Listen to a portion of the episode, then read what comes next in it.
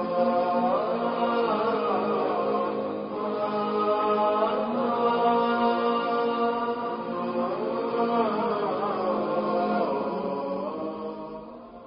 الله الرحمن الرحيم. والحمد لله رب العالمين. والصلاة والسلام على سيدنا محمد النبي الكريم وعلى آله وأصحابه أجمعين. أرحب بكم مرة أخرى مع صناعة النجاح. هذه سلسلة من الحلقات. نحاول أن نبلور فيها مفهوم النجاح. ما هو؟ وكيف نصنعه؟ تحدثت عن معادلة. هي معادلة النجاح. أن الإنسان الناجح ينجح أولا مع نفسه عند رضا داخلي عند سعادة في داخل نفسه. وفصلنا كيف نفعل ذلك. ثم قلنا أن الإنسان الناجح هو الذي ينجح في علاقاته. وأخذنا عدة حلقات وحلقتنا اليوم هي الخاتمة في هذا الجزء كيف نصنع العلاقات الناجحة. ثم سنتحدث بعد ذلك على أن الإنسان الناجح ينجح في إنجازاته عنده عطاء عنده إنجاز. وأخيرا وأهم من كل هذا أن ينجح الإنسان في الآخرة ينجح مع الله عز وجل. وهذا ما سنفصله في حلقات قادمة إن شاء الله. لكن دعونا نركز اليوم على موضوع العلاقات حيث تحدثنا أن الإنسان الناجح هو الذي يعرف كيف يبني علاقات كيف يصنع هذه العلاقات صناعة صحيحة. وقلنا أن العلاقات الصحيحة تبنى على أهداف وتبنى على أخلاق منها حسن الاستماع وحرصي على أن ينجح من حولي أكسب وأكسب. وكذلك الحب الحقيقي الصادق والصدق والتواضع والرحمة وحسن الإنصات وفن إدارة الحوار وفن إدارة الخلاف. هذه كلها معاني أساسية في صناعة النجاح. إذا نجحنا في كل هذا نكون نجحنا في علاقاتنا ويتبين الإنسان الناجح في علاقاته بالذي يستطيع أن يبني من حوله فريقا. فريق عمل.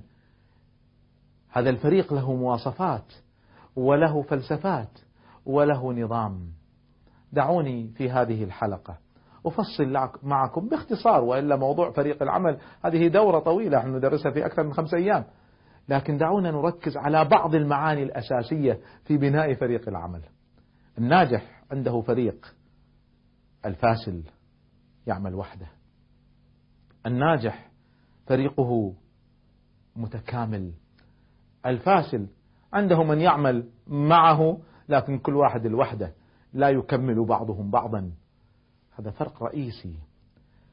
الفريق الناجح أقدر على حل المشاكل. ومن هنا كانت ضرورة إنشاء فريق. الفريق الناجح يعرف كيف يحدد مشاكله وكيف يعالجها ويتعاون على علاجها ويكمل بعضهم بعضا في علاجها. الإنسان وحده قد يعجز عن حل مشاكله لكن وجود فريق معه يستطيع أن يصل إلى حل هذه المشاكل. فهذه واحدة من الأسباب التي تعين أو يعني تؤكد على أهمية وجود فريق عمل.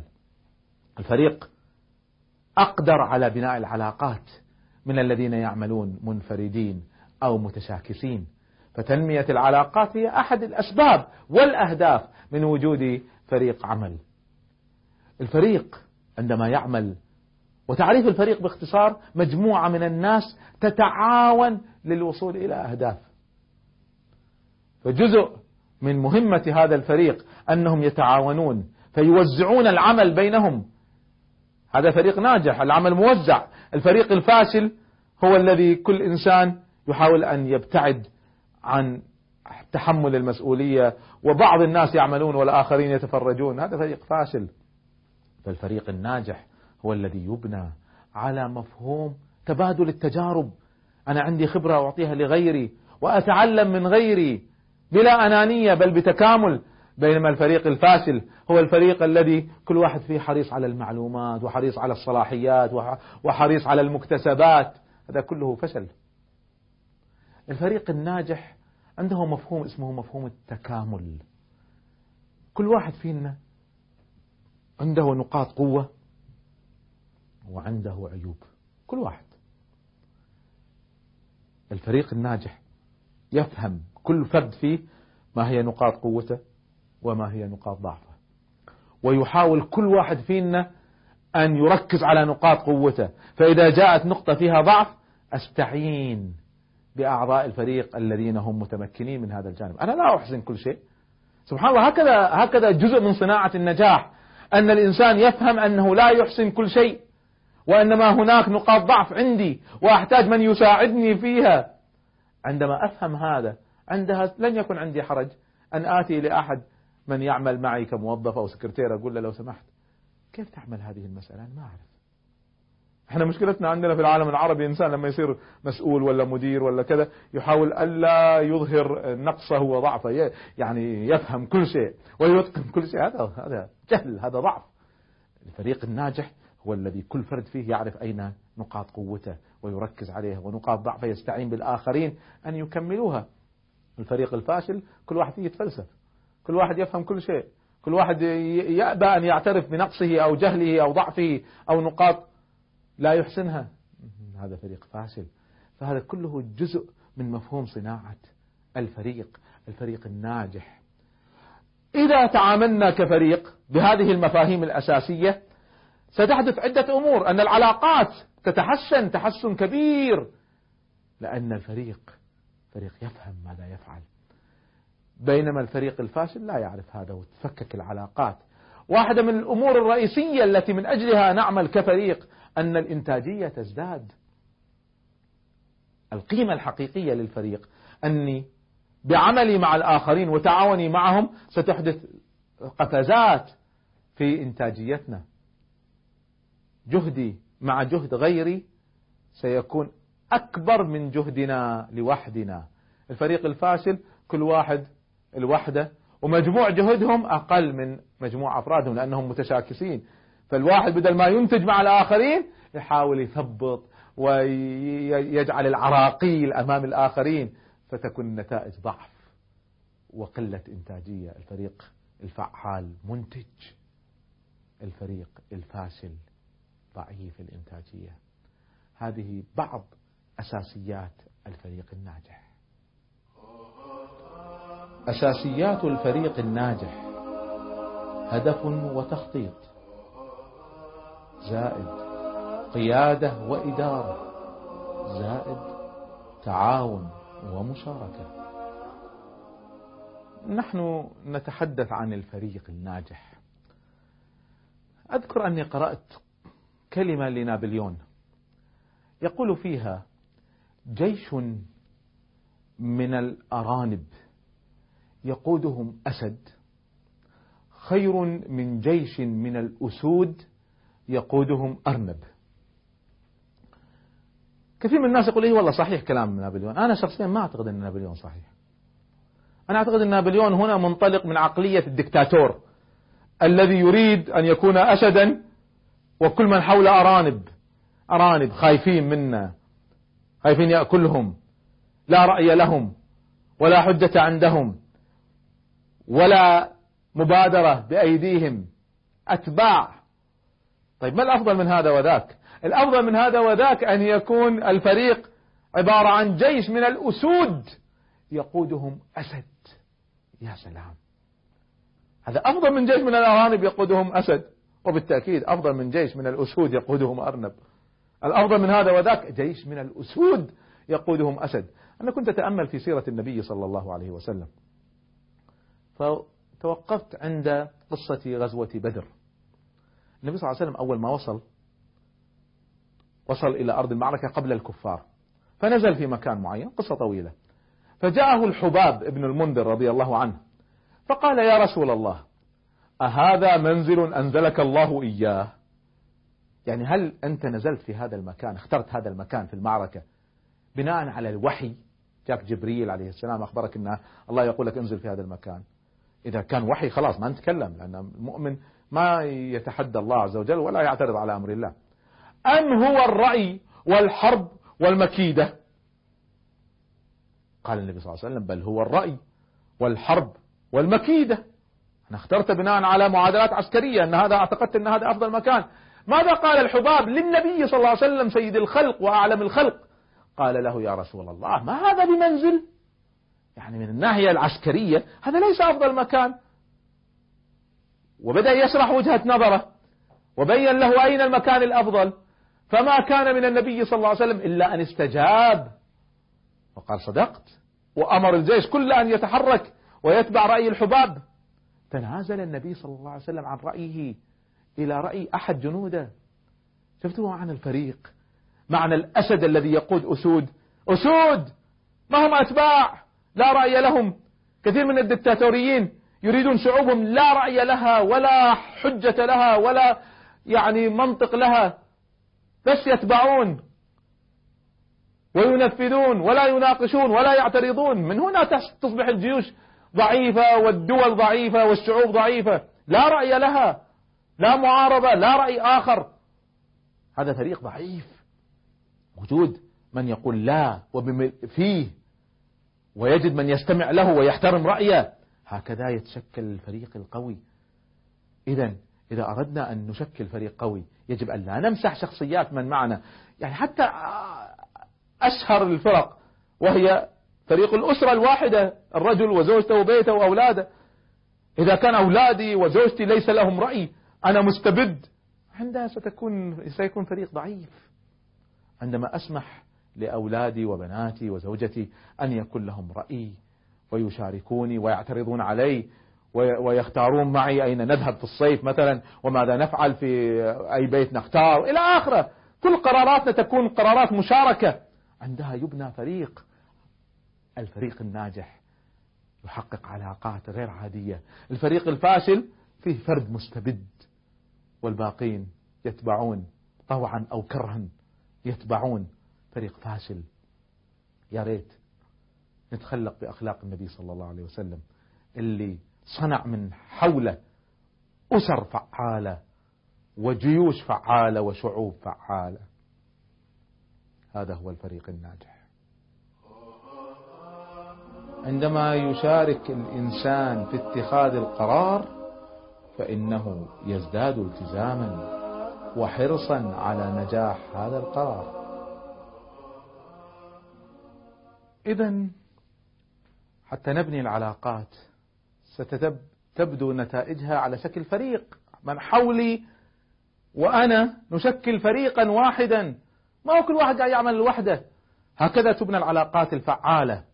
نعم يوجد قائد للفريق. طبيعي هذا. في كل في كل الحياة بدون قائد سبحان الله ما تستقيم الحياة. ومن لا أمير لهم فالشيطان أميرهم. يعني حتى الأسرة لها قائد.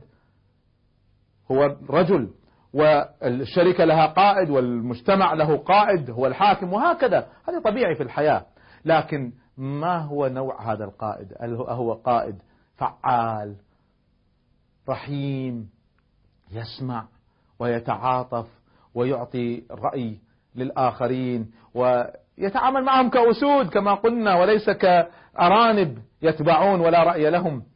فوجود القائد الخدوم الفعال هذا أساسي في بناء العلاقات. ما نريد أن نكون نلغي دور القائد وأن الناس كلهم رأي واحد كذا لا يبقى الحياة تحتاج إلى قيادة. لكن قيادة تستشير وقيادة تحقق إنجازات وتبني علاقات. ليس باسم بناء العلاقات نلغي الإنجازات ولا يكون لنا رأي. الفريق الفعال عندها هو الفريق الذي يستطيع أن يحقق أهدافه. وهذا هو مفهوم الفريق باختصار. لماذا نحن نريد أن نبني علاقات؟ لأجل أن نتكامل لتحقيق أهداف. الفريق الذي لا ليس له أهداف هذا فريق فاشل فريق ضعيف. وذلك نحن كأسرة لازم نحقق أهداف. ونحن كشركة نحقق أهداف ونحن كمدرسة نحقق أهداف وهكذا نحن كمجتمع كدولة كأمة نحقق أهداف. كلنا فرق. تختلف من حجمها من صغير إلى الكبير لكن عندنا أهداف. الفريق الفعال هو الفريق المتعاون للوصول إلى هذه الأهداف. وذلك إحنا عرفنا الفريق وقلنا مجموعة من الناس تتعاون. للوصول إلى أهداف. أما المجموعة التي تتشاكس وكل واحد يريد أن يهزم الآخر ويركب على ظهره ويصل إلى المناصب العليا يأخذها من غيره هذا ما هو فريق.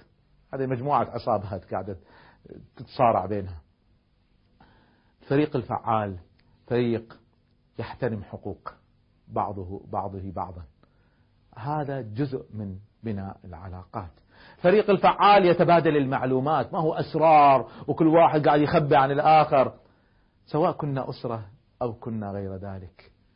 هذه هكذا تصنع الفرق الفعالة.